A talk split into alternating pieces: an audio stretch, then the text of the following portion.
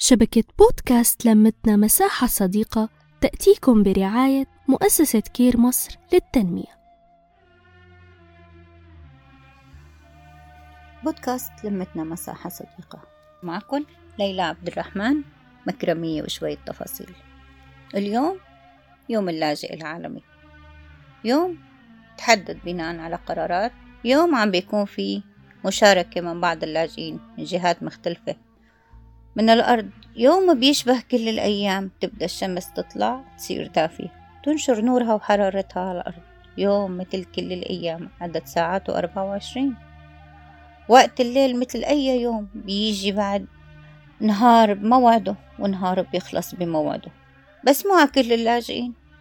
اللاجئ اسم خص مجموعة من الناس اللي وصلوا على بلد اللجوء. بس الناس اللي كان نصيبها بإيدنا خاص. باعهن بأرخص موجة قوية كان نصيبهن الموت. من دون ما يكمل اليوم أو الليل. ما يكمل عليهن. مجموعة ماتوا لأنه البلد الموجودين فيها تحاملوا عليهن. أخذوا منهم خبزهن وميتهن فكان الحل إنه ياخدوا روحهن. ياخدوا روحهن منهن وهيني خاسة بس من نوع تاني. ناس ما وصلوا لأي مكان. الطريق كان النخاس تبعهم بين الجبال بين الغابات بين الصخور كان الموت ناطرهم من دون ما يكمل عليهم يوم اللاجئ العالمي. قدر الله وما شاء فعل. أرواح معلقة بين الأرض والسماء تلعب فيها أيادي سودة بمصير وأرواح ناس. شو اسمهن؟ شو وضعهن؟ ومع مين؟ ولمين؟ الأرض واسعة والأرض للجميع. والله بالسما بالسما عالية. مهما كان مذهبك مهما كان لونك مهما كانت بلدك أو وجهتك. بنسمع عن دول عالمية طالبة عدد من اللاجئين. شباب لتحسين وضع البلد. بنقرأ عن دول عم تدعم الناس. المضطهدة جمعيات مؤسسات.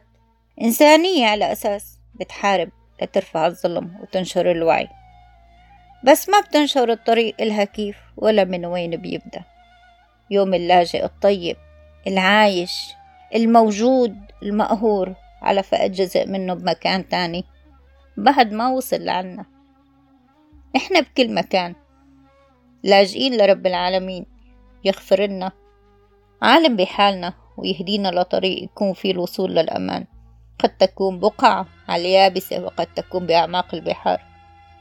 قد تكون بقلب وشرايين وحوش بشرية ظالمة وقد تكون وحوش الأرض. مثلنا عم تدور على الأكل على طعامها على الأمان. كانت معكم ليلى عبد الرحمن. كل عيد لاجة وأنتم بخير. نحكي نتشارك نتواصل.